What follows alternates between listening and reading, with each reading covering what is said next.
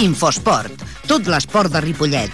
Els divendres a les 7, la prèvia. I els dilluns a les 7, el resum de les competicions del cap de setmana. Infosport segueix tots els clubs i atletes. La informació de l'esport de Ripollet a Ripollet Ràdio, amb Ramon Argenter. Jugues?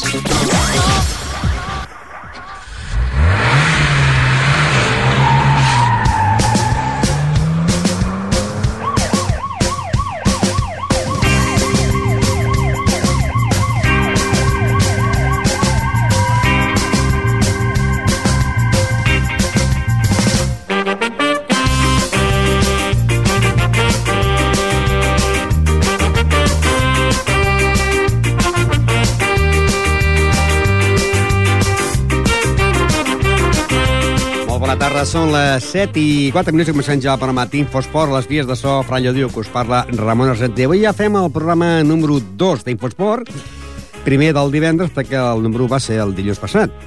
I ja hem de dir que avui tindrem de convidats doncs, el Club de Futbol Ripollet, el seu president Cisco Inglada.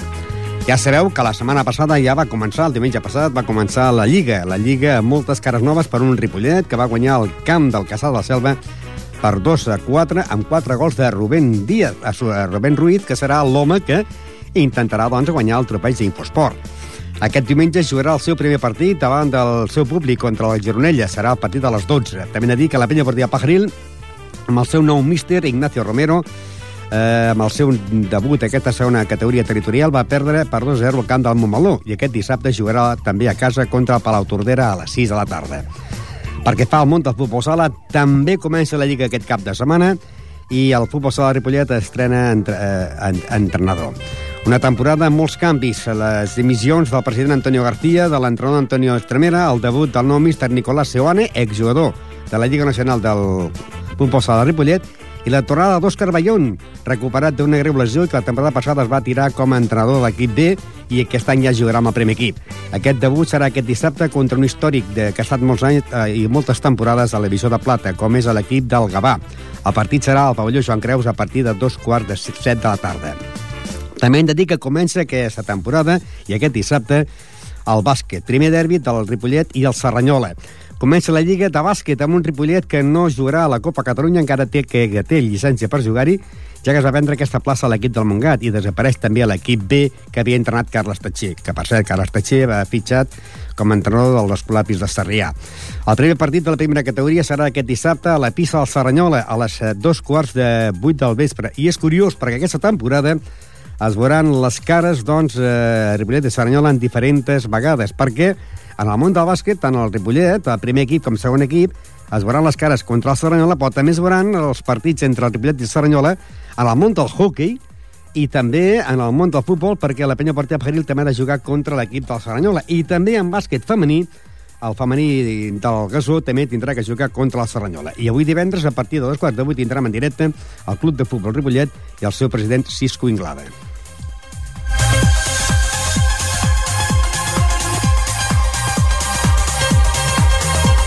Ara farem un repàs, doncs, a com va ser la primera jornada de la setmana passada, que va ser el partit que van començar. Només hi van haver dos partits. La victòria del Ripollet, que va guanyar doncs, 2 a 4 al camp del Caçat la Selva, i la derrota de la Pella Partida Pagaril, que va perdre amb un meló per 2 a 0. Anem a repassar els resultats de la primera jornada del món del futbol, categoria preferent, una categoria que després en parlarem, amb el seu president, doncs, que pot ser la, la definitiva per pujar a primera catalana, perquè en aquests moments pujarien sis equips. A la jornada prim perquè hi ha canvi de categoria i aquesta categoria desapareix i seria l'any que ve, eh, si es mantén, doncs es mantindria a la primera catalana. A la primera jornada el Banyoles va perdre a casa davant del Mollet per 0-1, mentre que el Sant Colmo de Farners i el Turó de la Peira van empatar a 1. El Gironella, proper rival del Ripollet, va perdre casa contra el Granollers 0-1, mentre que el Canyet, Ganyelles guanyava en el Premi Nadal per 2-1. El Mataró eh, perdia a casa davant del Tona 0-2 i el Palafrugell empatava a casa amb l'Horta, un empat a 1, i el Palau i el Figueres empataven a 0 gols, mentre que el Manresa doncs, perdia casa davant de l'Àvia per 0-1 i el Ripollet amb 4 gols de Rubén Ruiz en guanyava el camp del Caçà de la Selva per 4-0. Anava guanyant per 4-0 i al final va acabar 2-4. També doncs, hem de dir que la primera jornada, la primera jornada, eh, líder, doncs van diversos equips, eh, sis equips, eh, tots empatats a 3 punts, que són el Ripollet, amb 3 punts, Tona, 3 punts, Canyelles, 3 punts, Granollers, Àvia i Mollet. Amb un punt, Palafrugell, eh, Turó de la Peira, Farners, eh, Horta, Figueres i Palau. I en 0 punts, el Premi de Dalt, el Gironell, el Manresa, el Banyoles, la Caçada, la Selva i el Mataró. Aquesta jornada es disputarà la jornada número 2 i s'enfrontarien el Mollet contra el Palau de Plegamans, el Turó de la Peira contra el Banyoles, el Granollers contra el Farners, el Premià de Dalt contra el Caçà, l'Àvia contra el Canyelles, el Tona contra el Manresa, l'Horta contra el Mataró, el Figueres contra el Palafrugell i el Ripollet contra el Gironella.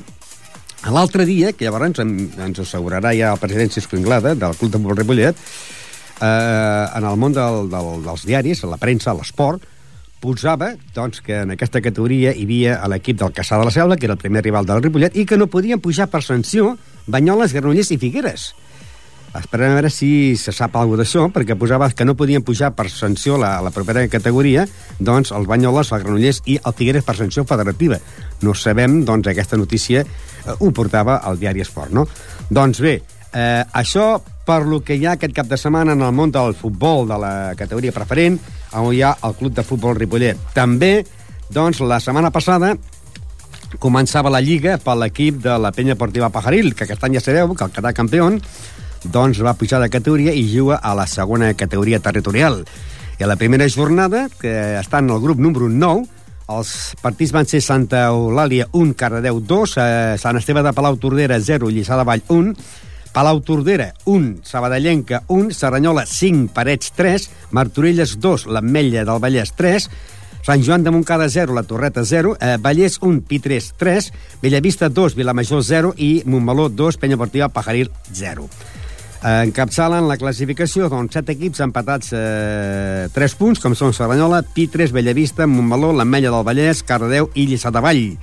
Amb un punt, el Palau Tordera, el Sabadellenca, el Sant Joan de Montcada, la Torreta, i amb 0 punts el Martorelles, el Santa Eulària, el Sant Esteve de Palau Tordera, el Parès, el Vallès, el Vilamajor i tanquen el lloc número 18 la penya deportiva Pajarina en el lloc número 18 amb 0 punts.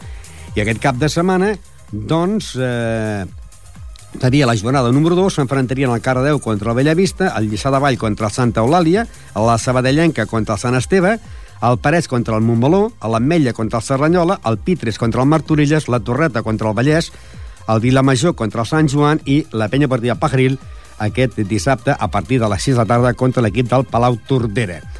Dit també que la propera setmana eh, ja començarà, d'aquí un parell de setmanes jugaran la tercera territorial, però també, també, també, aquest cap de setmana ja comença la Lliga de Futbol Sala, grup número 6 de la primera divisió nacional, amb uns partits que seran Martorell, La Unió, Premià de Mar, eh, Club Natació Sabadell, Hospitalet, Bar Micasa, Escola Pia Sabadell, Sant Cugat, Santa Coloma, Esplugues, eh, Caldià de Mallorca, Mataró, el grup és impar, tindrà jornada al Vilassar de Mar i, des, i tindrà jornada de descans i a partir de dos quarts de set al pavelló Joan Creus, el club de futbol sala Ripollet jugarà amb el Gavà. El nou entrenador és eh, Nicolás Seoane, Nico, si no recordo malament, portava el número 4 quan jugava amb el primer equip del futbol sala Ripollet que van començar a fer, diguéssim, aquests partits per eh, pujar de categoria. Doncs el Nico era jugador del Ripollet i ara serà com a entrenador després de les dimissions d'Antonio García, que per cert ara doncs, doncs, formant una junta gestora perquè sembla ser doncs, que eh, o no vol ser president o ningú vol ser president o no es troba president. En aquest cas hi haurà una junta gestora i que l'entrenador d'aquest equip serà el exjugador Nicolás Seoane. Primera jornada, Ripollet-Gavà. Eh, també hem de dir que també hi ha la primera jornada, primera jornada del món del bàsquet. Aquest cap de setmana ja comença la primera categoria eh, de bàsquet grup tercer, on el club de bàsquet Ripollet jugarà a la pista del Serranyola dissabte a partir de dos quarts de vuit amb el nou entrenador Àngel Canals. La primera jornada s'enfrontarien el Sant Boi contra l'Esferi de Terrassa, el Tarragona contra el Club Natació Sabadell, el Gavà contra la Salle Reus, el Sant Cugat contra el Morell, el Cantorreta contra el Sant Jordi, el Vilanova contra el Valls, el Saló contra l'Esparreguera i el Seranyola contra el Ripollet, primer derbi. També hem de dir que l'equip del Club Bàsquet Ripollet doncs hi haurà l'equip del Ripollet B, el que era l'equip A, i el Ripollet B, que jugava a la tercera categoria, aquest equip ha desaparegut. L'entrenador que portava l'equip, que era Carles Tatxer, fixat amb els clapis de, de Sarrià, i que l'equip tindrà doncs, aquest cap de setmana aquests partits que jugaran. Eh, a la categoria júnior, a l'equip A, júnior A, el Casal de Vilafranca s'enfrontarà al Club Bàsquet Ripollet, Uh, L'equip dels sèniors jugarà contra el Serranyola a partir de dos quarts a les 6 de la tarda i llavors uh, hem de dir que el Pedagògim jugarà uh, contra el Ripollet de la categoria sub-21. Aquests són els primers partits que jugaran doncs, tots a fora, ja que a la propera setmana jugarien a casa i el, el jugaria el Club Bàsquet Serranyola s'enfrontaria al Júnior A, el Sant Quirze contra el sub-21 i llavors també hem de dir que en bàsquet, el Ripollet jugaria contra l'equip del Sant Boi. Això de cara ja a la propera jornada. També hem de dir que aquest any, doncs, eh, el Club Bàsquet eh, Gasó, el Gasó Caixa Girona, doncs eh, s'ha retirat de la competició i continuarà a la Vell Gasó, que començaran la temporada ja eh, dintre de poc, perquè eh, la setmana passada van començar només que el món del futbol, Penya Deportiva Pajaril i l'equip del Club de Futbol Ripollet i que mica en mica ja es van doncs, eh, incorporant les de més categories. Per exemple, a partir del dia 10 d'octubre comença la categoria de tercera territorial, grup número 15, on hi ha els dos equips de Ripollet, l'equip de l'Esdila i l'equip de la de Fut. A la primera jornada s'enfrontarien el Marina contra la Unió Salut, la Planada contra el Júnior, el Minasol contra la Fundació, el Badia Vallès contra el Nou Vallès, el Roureda contra la Penya Blaurana Sant Cugat de Vallès, el debut de la Defut seria el diumenge, dia 10 d'octubre, al camp de la Farga. Començaria el partit a les 12 del migdia, mentre que l'Esdila doncs, jugaria a casa contra l'equip del Can Colapi de Terrassa i seria dissabte a les 4 eh, de la tarda, però del dia 10 d'octubre. Recordar que l'equip de l'Esdila, de la tercera territorial, jugarà els partits que jugui a casa els dissabtes a les 4 de la tarda, mentre que l'equip de la Defut que ara és escola de futbol base Ripollet, jugarà els diumenges a partir de les 12. També aviat, la setmana que ve, comença la Lliga de Hockey. També eh, Lliga de Hockey, primera jornada. I la primera jornada seria diumenge a les 12, Sardanyola, Ripollet, també del món del hockey. Aquest any, doncs, les confrontacions de màxima realitat entre els dos pobles, Sardanyola i Ripollet, es veurà en diverses categories i en diversos esports. La primera jornada s'enfrontarien el Barcindo contra el Congrés, el Vilassar contra l'Arenys, el Capellades contra el Castellà, el Premià contra el Riu de Pilles, el Centelles contra el Canet, el Cornellà contra el Perpetuenc i el diumenge, ja dia 26, a partir de les 2 del migdia, el Estranyola contra el Ripollet en quant al món del hockey. També en el món del bàsquet, a la tercera territorial grup tercer, començarà la Lliga el 26 de setembre, diumenge que ve.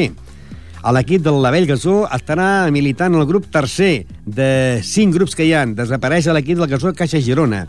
La primera jornada seria Col·legi Cultural contra el Cervelló, el Santa Barbètua contra el Montigalà, Badalona, el Regina Carmeli contra el Sant Manat, el Martorelles contra el Sant Cugat, el Nou Badia contra el Dina La Salle, l'Esparreguera contra el Pallejà, el Camparellada contra el Sant Climent i el primer partit de la Vell Gasó seria el dissabte dia 25 a partir de les 7 de la tarda a la pista del Sant Lleí, Sant Lleí, la Vell Gasó. I també començarà la Lliga de bàsquet femení de la tercera categoria B el proper diumenge. En el grup 5è es trobaria el femení Ripollet del Gasó.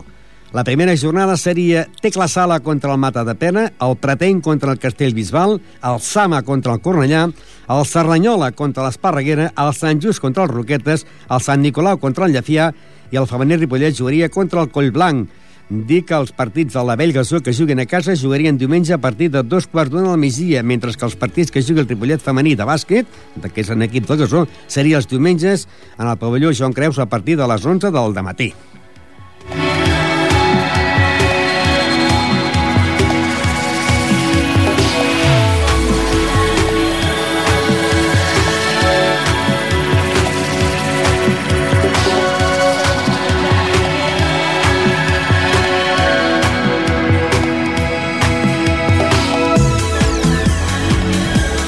També aviat començarà la Lliga del Tenis Taula de la Divisió d'Honor, Primera Divisió Nacional Masculina i Primera Nacional Femenina. Per exemple, eh, aquest cap de setmana ja ha sortit el calendari de competició i el Club Tenis Taula Finca Ripollet de la Divisió d'Honor Femenina tindrà que viatjar doncs, que per jugar contra el, el grup està format pel Casa Astúries de León, el CRAP de Sant Sebastián, de l'Eti Sant Sebastián, el Club Natació Helios de Saragossa, el Santa Eulària femení d'Eivissa, el Calella, el Falcons de Sabadell, el Finca Ripollet, el Bàscara de Girona, l'Artel de Santiago de Compostela i el Club Tenis Taula Avilés. El primer partit, el Finca Ripollet jugaria a casa contra l'equip de l'Avilés. Pel que fa a l'equip masculí de la primera divisió nacional, doncs el Ripollet li ha tocat un calendari on hi ha només dos plaçaments a Mallorca. S'enfrontarien el Club Palma de Mallorca, el Club Sa Pobla també de Mallorca, l'Igualada, el Sant Cugat, el Sallent, el Vilanova i la Geltrú, el Ripollet Verdolai i l'Olot. I pel que fa a l'equip femení, encara no està confeccionat el calendari, però sí tenim ja els equips que jugaran, i aquesta setmana es farà el sorteig, i a la primera nacional femenina s'enfrontarien, doncs, tres equips de Saragossa el Club Natació Helios de Saragossa, l'Escul de Saragossa i el, Santi, el CAI Santiago, també promeses de Saragossa. Tindrien l'altre equip, que és l'Ateneu de Sant Joan d'Espí, el Calella, el Bàscara de Girona, el grup eh, Ciguanyal de Caçà de la Selva, el Balaguer i el Club Tenis Taula Finca Ripollet. Eh, la competició esportiva del món del tenis taula començarà el dia 3 d'octubre i el Club Tenis Taula Ripollet doncs, jugarà l'equip femení en el hall del pavelló a partir dels dissabtes a les 8 de la tarda i l'equip masculí de, Lliga de la Lliga Nacional de la Primera Divisió, que l'any passat va quedar campió i va renunciar a fer la fase d'ascens per pujar a la Divisió d'Honor, jugarà els dissabtes a partir de les 5 de la tarda, però no jugarà aquí a Ripollet, sinó que jugarà en el col·legi de l'Escola Montserrat de Serranyola, en el gimnàs. I l'any que ve, l'any que ve, doncs el poliesportiu eh, no es podrà jugar cap partit de Lliga Nacional la Federació Espanyola de Tenis Taula doncs, va enviar, un, enviat un comunicat, no al Ripollet, sinó a tots els clubs, que a partir de la temporada que ve, doncs tots els locals que no tinguin més de 4 metres d'altura no podran jugar tenis taula a la Lliga Nacional eh, podran tenir les diferents escoles i diferents equips de la, diferents categories per tots els partits de Lliga Nacional el sostre ha de tenir més de 4 metres d'altura. Aquesta temporada encara pot passar, aquesta temporada a l'equip de la Primera Nacional sí jugarà en el, o, o sigui, la Primera Nacional femenina jugarà en el, poliesport, en el poliesportiu, l'equip de Lliga Nacional jugarà a Saranyola, en el gimnàs Montserrat, de l'Escola Montserrat, i l'equip de d'Honor jugarà doncs, en el hall del pavelló els eh, dissabtes a partir de les 8 de la tarda. Això els partits que passen aquí a Ripollet. El masculí jugarà a les 5 de la tarda i el femení també a les 5 de la tarda de la Lliga Nacional, però a l'equip de Divisió d'Honor seria en el hall del pavelló en el, a partir de les 8, una vegada que ves, perquè em sembla que coincideix alguns partits amb l'equip del futbol sala de Ripollet de la Lliga Nacional.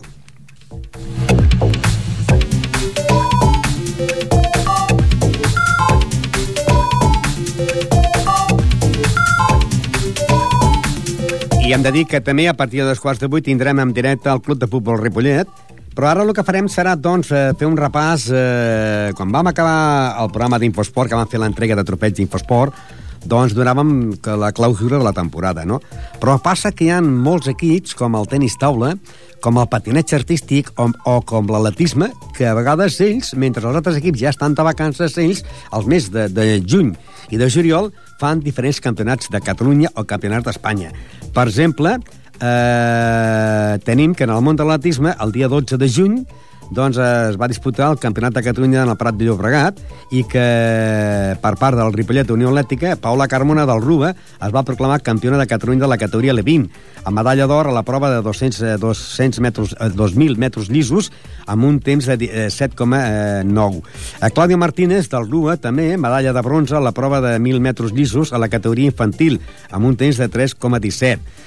El dia 20 de juny, doncs molta gent estava de vacances, doncs també eh, l'atleta Ivan Roguera, del RUA, va quedar quart classificat a la prova de 200 metres llisos eh, del Campionat de, de Catalunya. Sònia Manyes va ser quarta classificada a la prova de 5.000 metres llisos dels Campionats de Catalunya.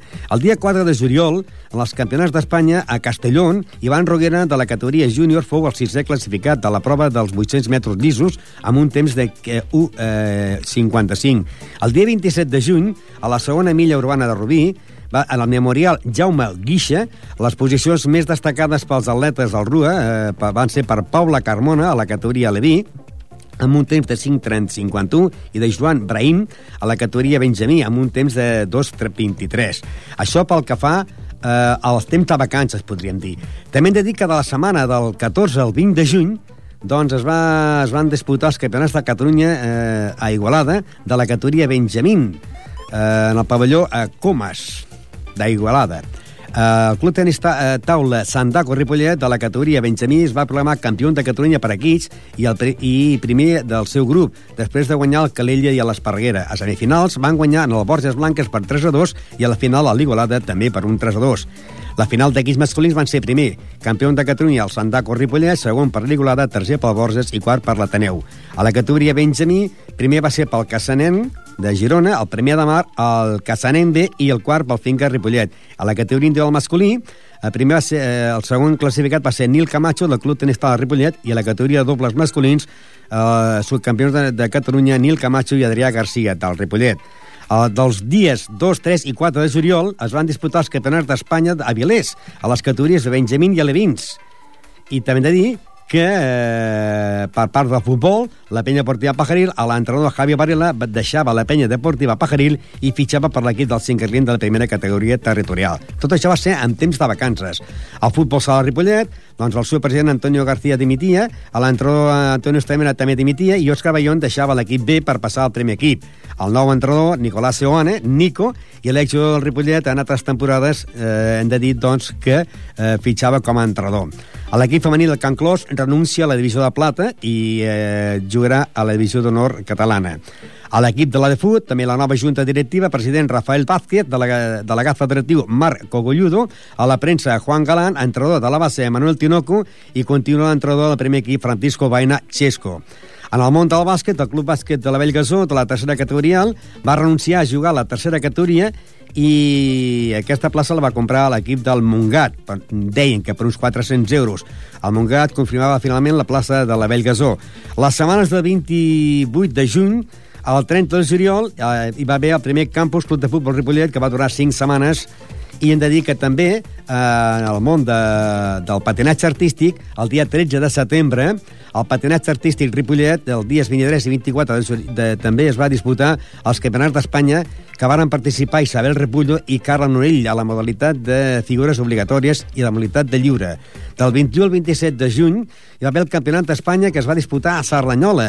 A Júlia Figueroa, del Club Patinatge Artístic, eh, campiona d'Espanya de la categoria cadet, i es va classificar pels campionats d'Europa a Itàlia, que es va disputar el mes d'agost. Primera, Júlia Figueroa, que va ser primera dels campionats de Barcelona, primera dels campionats de Catalunya i primera dels campionats d'Espanya. El dia 4 de Girol també hi va haver els campionats de Barcelona a Tordera. Estem parlant de patinatge artístic. A la categoria infantil a Leví varen participar a la categoria infantil Sara Gutiérrez i Noelia Padilla i Carla González i a la categoria Leví Judit eh, Mercè i Nere Pérez. Sarai Rodríguez, eh, perdó, Sarai Gutiérrez fou la campiona. Noelia Padilla es va classificar en el lloc número 13, Carla González en el lloc número 21 i en el lloc número 32 en la categoria infantils i a la categoria Levin, Judit Mercè es va col·locar en el lloc número 18 i Nerea Pérez en el lloc número 1. Hem de dir que també els dies 10 i 11 de juliol hi va haver la final d'Interclubs a Santa Margarita dels Monjos i que es va fer una prova que va ser un dissabte a la categoria de debutants i certificats d'iniciació. El Club Patinatge Artístic de Ripollet, doncs, el diumenge dia 11 de juliol, també va estar present a Vilassar de Dalt. En aquests campionats, el Club de Ripollet es va endur quatre medalles, una d'or, una de plata i dos de bronze. Alba López, eh, a la categoria de certificat, fou medalla d'or. Noelia Padilla fou medalla de plata com a debutant i Araceli i Torralde i Andrea Rodríguez medalla de bronze a la categoria d'iniciació a més de 9 anys. I també hem de dir que el mes de juliol, eh, doncs, el Campionat d'Espanya de patinatge artístic, Isabel Repullo, subcampiona d'Espanya en la modalitat de lliure i cinquena en figures obligatòries. Isabel Repullo es va classificar per al Campionat del Món. Carla Nonell fou la quarta classificada tant a la prova de modalitat lliure com també de figures obligatòries. En aquests resultats es van classificar pels campionats d'Europa que es farà aquest finals d'aquest mes de setembre a Vic. I al mes d'agost, també hem de dir, dintre del patinatge artístic, que Júlia Figueroa va ser la sisena al Campionat d'Europa de la categoria cadet celebrat a la ciutat italiana de Novara. També és l'actual campionat d'Espanya. En el món del hockey sobre patins també, mentre la gent estava de vacances i el programa d'esports també, l'edició del 20 trofeig del torneig de base de Sant Cugat de Vallès, el Club Hockey Ripollet i l'equip Aleví fou campió del torneig. Els equips foren el Sant Cugat, l'Arenys de Munt, el Caldes de Montbui, el Massanet de la Selva, l'Arenys de Mar, el Noia, el Cornellà i el Ripollet. I els dies 3 i 4 de juliol hi van haver les 24 hores de tennis Eh, I l'equip campió, format per Àlex Moya, Adrián Hernández, David Arús, Miguel Marín, Edu Torres, Lluís Mestres, Ignacio Ibáñez, Corneli Lapat i Alicia Pallarès, foren les campiones de les 24 hores de tennis de Ripollet. I també ve el torneig 7 a 7, que el guanyador va ser primer Àlex Moya i segon a eh, Ivan Parralejo, i el torneig de la Festa Major també va, va tenir gran èxit amb el seu campió Àlex Moya. I també hem de dir, doncs, eh, que a la món del tenis taula també en el mes de juliol hi van haver els campionats d'Espanya que es van disputar a Astúries, concretament a Avilés. A la categoria Benjamín masculí, el Ripollet Santacos fou el novè classificat, mentre que la categoria Levi femení, el Finca Ripollet fou el quart classificat. I en el mateix lloc eh, va ser l'equip Benjamí, obtenint els dos equips femenins les medalles de bronze. A la categoria de dobles femenins, la parella del Finca Ripollet, Júlia López i Laura Chirita, foren les terceres d'Espanya amb medalla de bronze. En el món del bàsquet, tot això en temps de vacances a l'equip de l'Avell Gasó, que va pujar de categoria, renunciar, i aquesta la va vendre l'equip del Montgat. Recordar que el Ripollet B, en partit de promoció, va perdre aquesta tercera categoria, mentre que el primer equip del Ripollet també en promoció va salvar la, la, la Copa Catalunya i després va guanyar després de guanyar l'equip de l'Albert Design de Manresa. Doncs aquestes dues places eh, no les ha comprat l'equip del Montgat. A més a més de fitxar el màxim notador eh, de la temporada passada, eh, Lliçard Termes, que fitxar per l'equip del Montgat. Aquest mes d'aquesta important baixa també deixa el club jugadors com Cobos, eh, Forner, Villalonga i David, i l'entrenador eh, senyor Forner. Baixa també de Raúl Mogues, que retira, mentre que també l'entrenador del Ripollet eh, B, Carles Tatxer, fitxat per l'equip de l'Escola de l'Escola Pia de eh, Sarrià. El primer equip del Club Bàsquet Ripollet jugarà a la primera categoria i debutarà a la pista de Serranyola en el primer partit de temporada el 19 de setembre, del dissabte a dos quarts de vuit. El primer partit en el pavelló Fernández de Berneda serà eh, contra l'equip del Sant Boi el proper dia 26 de setembre a partir de les 7 de la tarda. Tot això, tot això és eh, tot el que els clubs de Ripollet han estat fent mentre els altres estaven descansant. I també hem de dir que també, doncs, eh, per la Festa Major de Ripollet es va disputar en gran prova la participació de l'equip d'atletisme i que hi van haver més de 442 participants a la milla urbana d'aquí Ripollet, o a la prova de la carrera cursa popular de la Festa Major.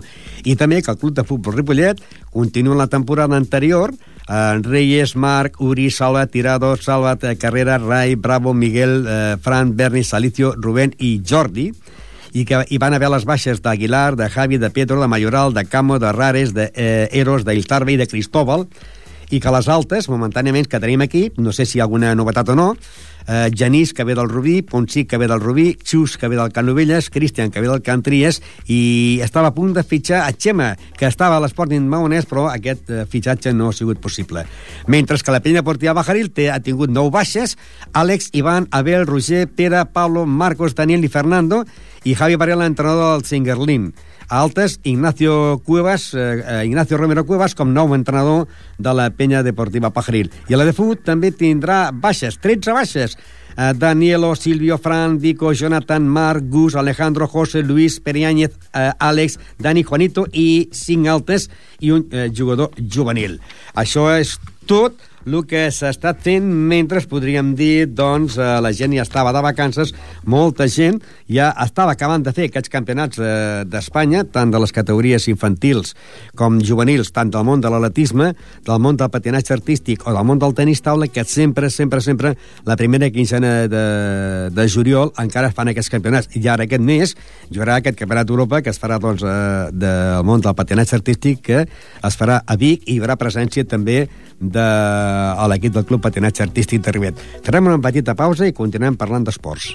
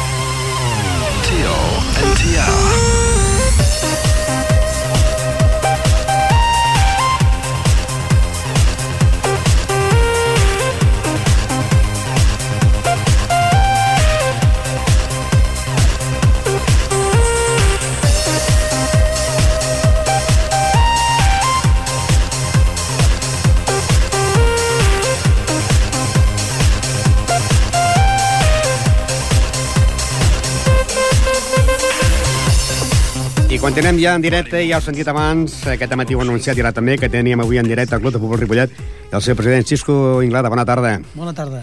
I sobretot, doncs, bon començament de Lliga, no? Perquè guanyar fora eh, ja és un bon èxit, no? I més a més quan es marquen quatre gols. Sí, va ser un partit, la veritat, més senzill del que ens esperàvem.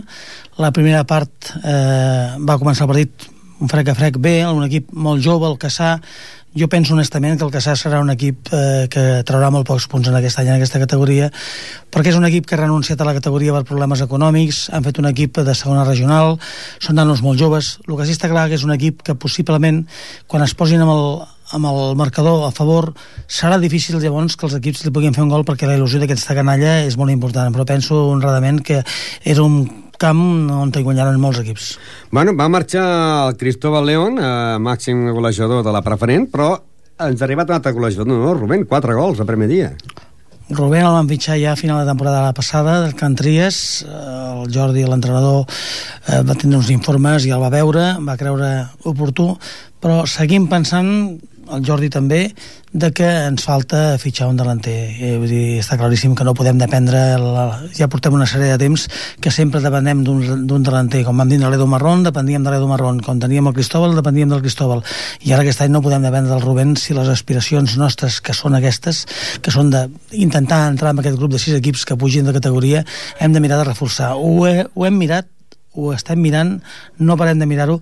El que passa que avui en dia les pretensions econòmiques d'alguns jugadors no estan envers el que nosaltres volem fer i de moment no tenim el de centre que volem comptant amb el Rubén. Però ara si el Ripollet volgués fitxar un jugador, eh, pot fitxar un jugador de, de, de categoria preferent? Sí, pot jugar eh, els cinc primers partits, pots fitxar jugadors del mateix grup. Llavors, a partir d'aquest moment, eh, que quan s'acaben aquests cinc partits, pots fitxar jugadors de menys categoria a més categoria, no hi hauria cap problema. I jo abans he dit que aquesta setmana passada doncs, va sortir, va sortir eh, el, el resultat de, del grup del Ripollet i posava que no podia pujar per sanció federativa el Banyoles, Granollers i Figueres.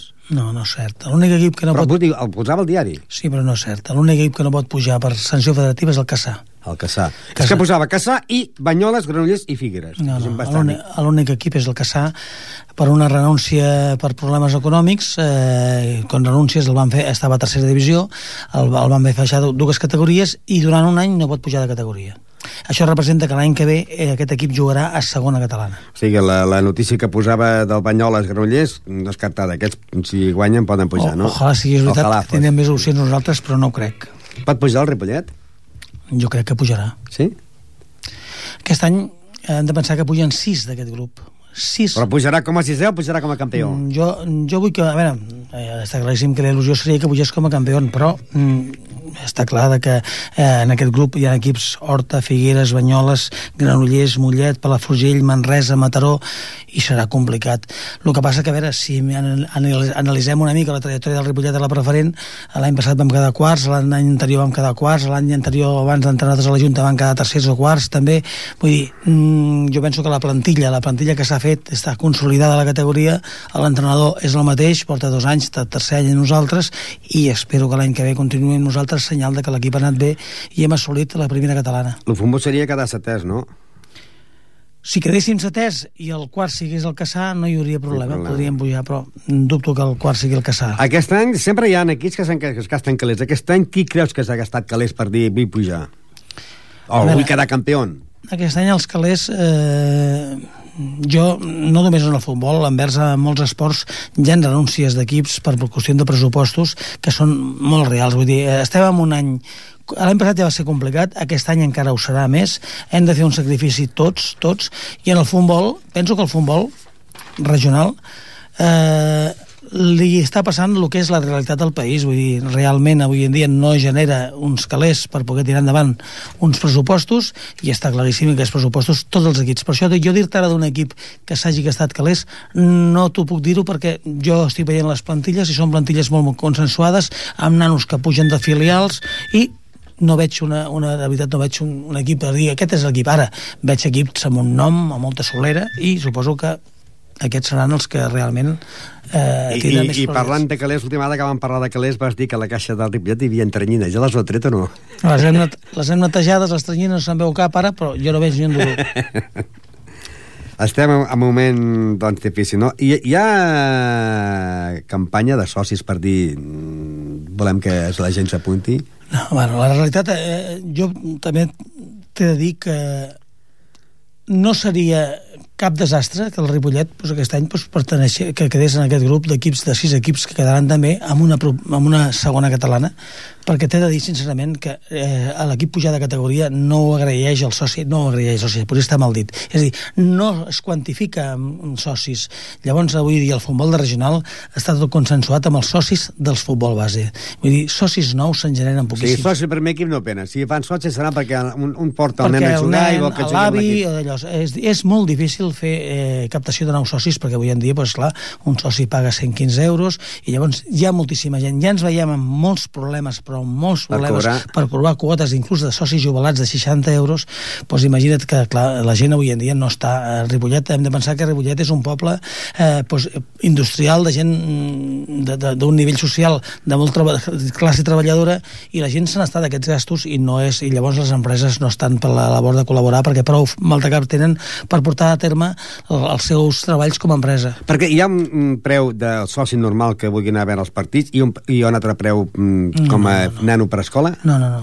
És dir, el, el soci del Ripollet, el soci cobra, eh, paga 115 euros i el jubilat 60 euros i el, so, i l'infantil 20 euros.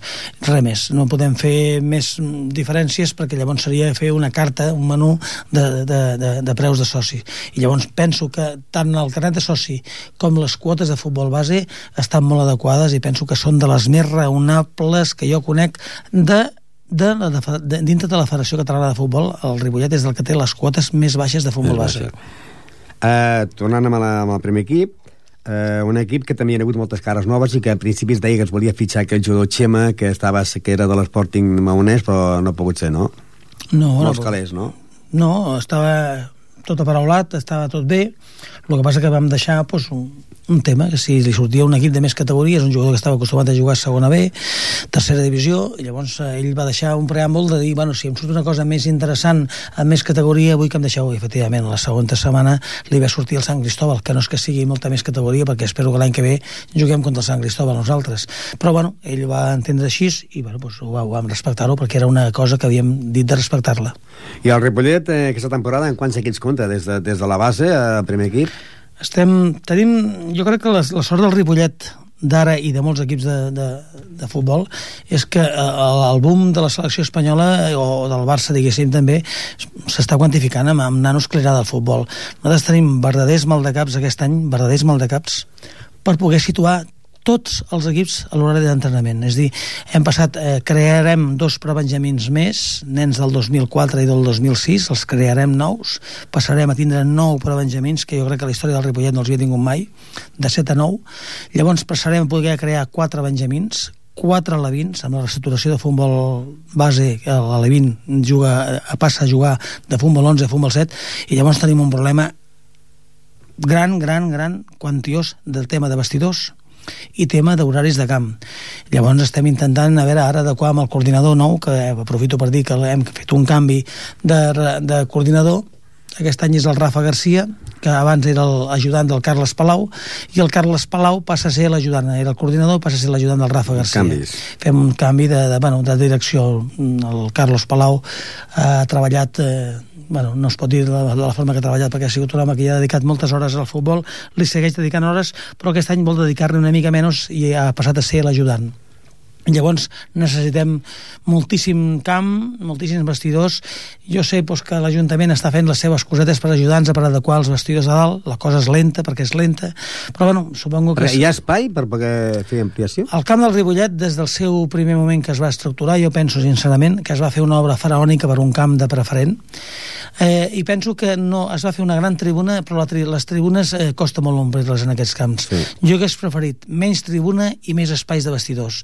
Llavors Llavors això és una cosa que ara la trobem en falta. Vull dir, es va fer un camp, a vegades jo he, he parlat amb algunes persones, diu, té una estructura de camp de segona B, sí, sí. De, de, de tribuna. Que potser ni el tenen, aquesta que no, tribuna. Que ni el tenen. Si anéssim a la part d'Andalusia, part d'Extremadura de, de, o part d'aquí d'Aragó mateix, hi ha camps de segona B que no tenen aquesta estructura de tribuna.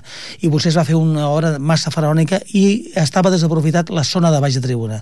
Aquesta zona és una zona que on tenim les oficines, la botiga, volem fer ara, inclús ara volem fer-li també una mica de biblioteca perquè el tema que del, Pedro Sarrión, que també està en el, a la Junta nostra com a tema de social, vol recopilar tota aquesta història del futbol que té de Ripollet, que és una història meravellosa, i volem quantificar-la i posar-la en una petita oficina que li volem muntar amb ell. És dir, estem intentant per tots els mitjans intentar que aquest sota tribuna aprofitar-lo. I ara el PAME ens ha fet un vestidor perquè era una realitat que ens feien falta vestidors i estan, s'està acabant, però necessitem encara una mica més espai. Perquè una tarda que vagin nens a entrenar, de quants nens podem parlar que estan per allà?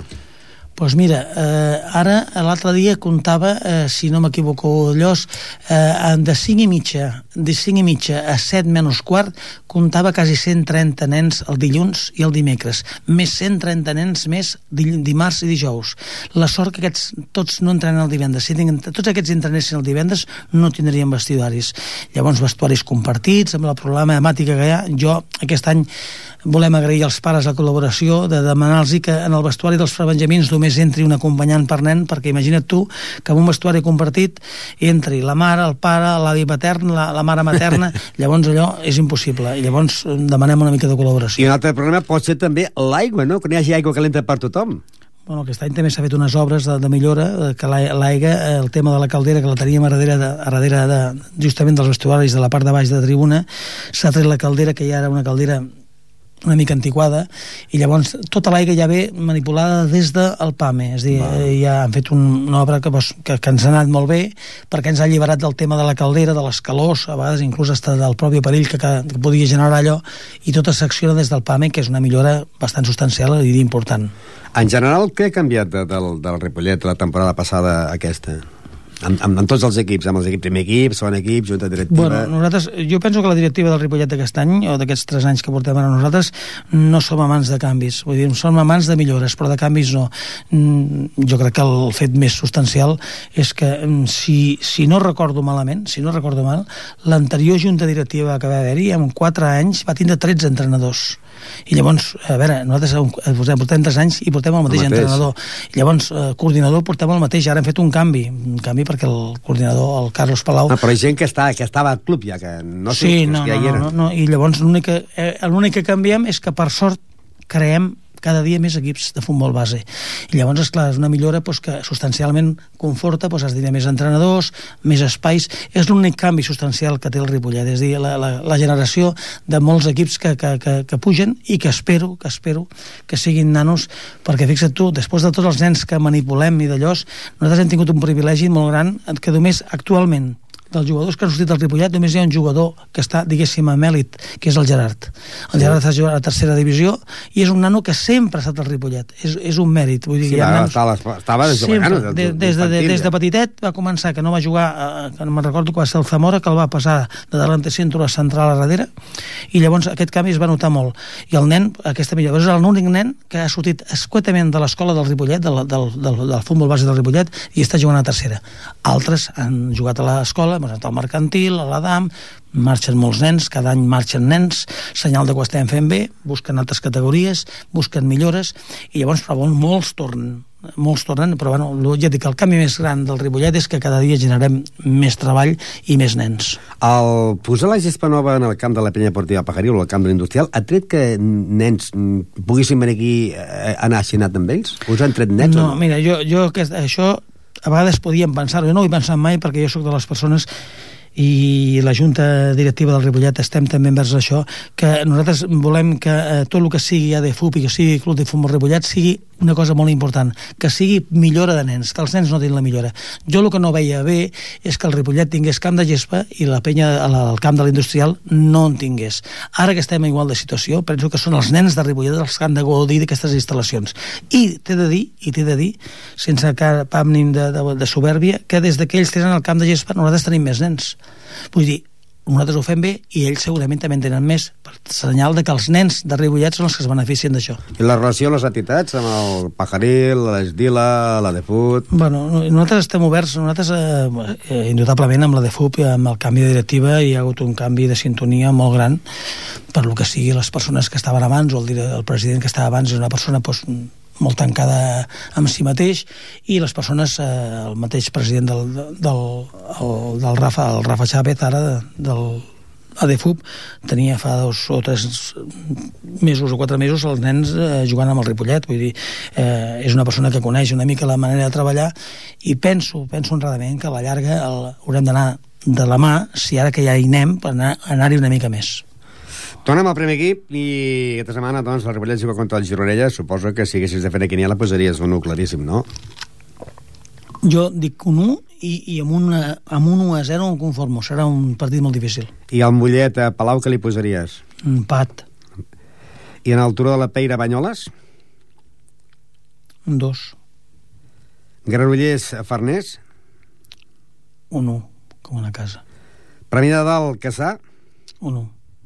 Àvia, on és l'Àvia aquest? Àvia és abans d'entrar al túnel del Cadí, a mà esquerra. Canyelles? Un 1.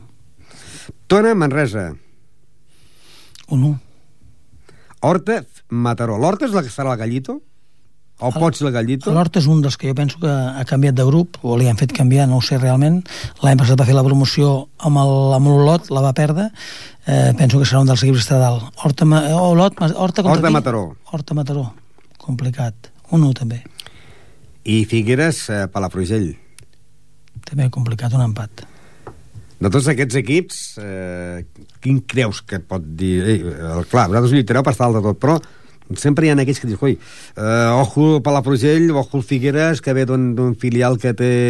El Palafrugell l'any passat eh, va celebrar el centenari, si us en recordeu, van fer un entrenament amb el Barça, sí. van recaudar moltíssims calés, eh, quasi el pressupost de la temporada amb un dia d'entrenament del Barça. Jo vaig pensar honestament que allò posaria important, eh, una injecció econòmica d'aquest tipus, pues, per, però no van acabar de fer la temporada. Penso que és un equip que, que comptarà. I llavors els clàssics de, de Girona, Figueres i Banyoles, i llavors, esclar, Granollers, Manresa, Mataró. Manresa és una incògnita perquè aquest any estava descengut matemàticament, però amb la renúncia del Caçà va tindre la sort de poder repescar la categoria. Però mm, sí, sempre sortirà aquell equip sorpresa que ningú compta amb ells, que a vegades eh, són els equips que, que, que tallen el bacallà. I a l'Horta, innotablement, no sé, és un equip de, amb molt carisma a Barcelona, un històric de, de Barcelona, i llavors, i, bueno, i espero comptar que el Ripollet sigui a, amb aquest grup també. Si el Ripollet eh, quedés campió o quedés sisè i puja a la primera catalana, us vendria la categoria? No. Ripollet no es vendrà categories perquè realment nosaltres si la busquem la volem guanyar el que no és normal és que després d'un esforç i una intenció gran de mirada millorar, millorar. I, I jo penso que al pujar de categoria el, els que ho han de notar més són la canalla que juguin. Nosaltres, eh, quedi clar que la, nosaltres com a entitat o com a junta gestora del Ripollet, en els directius ens agradaria molt que cada vegada hi haguessin més canalla de Ripollet. El que passa que si hem de pensar és una cosa, que si eh, quan més alta és la categoria, més alt és el nivell dels jugadors que han de jugar en aquesta categoria i ara aquest any, per sort, per sort, tenim tres juvenils.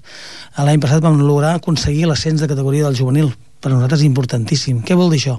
Que els nanos que juguen en aquesta categoria ja juguen un futbol diferent i el canvi entre juvenils i l'amater no és tan quantiós i tan, no es veu tant que no tindre un juvenil a la segona divisió. Eh, el Ripollet, si puja de categoria, que espero d'allò, espero que la tingui, la mantingui, i que després, dintre d'aquesta retrocessió, puguem jo, a veure, penso estar 4 anys de president, no penso estar més, és dir, en queda aquest i un altre que ve, i m'agradaria deixar l'equip a primera catalana i emocions de pujar a tercera. I no et tornaries a presentar? No, això segur. Eh, què es pot pagar per una categoria? Per exemple, eh, què, què ha pogut pagar el Vic pel, pel, pel, l'aigua freda? No, no se sabrà mai, perquè, a veure, quan no és pagar, perquè en aquest terme és una fusió que es va fer, eh? Fins ara el Mollet havia recusat en el Tribunal de, de l'esport, Tribunal de l'Esport, havia aquesta fusió o aquesta compra de categoria. Però com no s'ha pogut demostrar que és una compra, si hi una fusió d'entitats, llavors està clar de que no es pot demostrar. Mm, jo, eh, envers amb els anys que porto amb el futbol, que són uns quants, i n'he sentit de totes. Vull dir, el Montcada, en el seu moment, va comprar una categoria sí. en el Boomerang, que era el Corte Inglés, i sí. llavors en aquell temps es parlava de 500.000 pessetes, 600.000 pessetes, però jo no t'ho puc corroborar. Però clar, si és fusionant, tindria que haver cedit doncs, a Aigua Freda de Vic, no? Sí, es veu que dintre del que és eh, els estaments de federació, no? eh, la nomenclatura ha posat Vic Aigua Freda. El que passa que en els calendaris esportius Clar, només és Vic, m'entens? Això es fa durant un any eh, eh, federativament i llavors s'anul·la el nom i ja està. Com el tema de l'aigua freda era un tema també també una mica polític perquè el president del futbol tenia un contenciós amb l'alcalde d'aigua freda, per això jugaven a fora. Llavors ha sigut una cosa, ja et dic, una mica d'allò i s'ha fet així, però no podem quantificar amb calés, amb euros, el que és aquesta, aquesta venda. Perquè la federació... I, per cert, la- l'entrevista que vaig tenir amb el Jordi, l'entrenador de, del Ripollet, el dia de la festa major, vam estar parlant d'això del Vic, i va dir que ell estava en contra i que això la federació hauria de castigar-ho si es compra. I, i, i clar, perquè no creus, jo crec, trobo que la federació, si l'aigua freda es vol vendre a la categoria, que se la vengui, però jo crec que dret a dir ell primer té el que, el que li toca, no? Li hagués tocat a Mollet i va jugar al Ripollet, si vol. Mm. Que el Mollet renuncia, té opció al Ripollet, però no el que va darrere de tot, com ha sigut el Vic. Sí, és això. En aquest cas ha fet cas dels calés i no... Sí, són entitats amb molt de pes, el Vic és una entitat de molt de pes, un equip que està de tercera divisió, una ciutat important, i llavors aquestes coses deuen pesar bastant, i llavors eh, està clar està clar que les federacions... Aquesta federació catalana que ha entrat ara és una federació completament nova, amb un president que és un home, pues, eh, un home de futbol, jo dijous vaig estar amb ell, i és una persona pues, que té molt bones idees, el que passa que les idees arriba un moment que arriben on arribem tots, no hi ha calés. Està clar que el Ripollet, doncs, si puja a primera catalana, no es va a la categoria. Però si no puja, la compraria? Tampoc. Tampoc.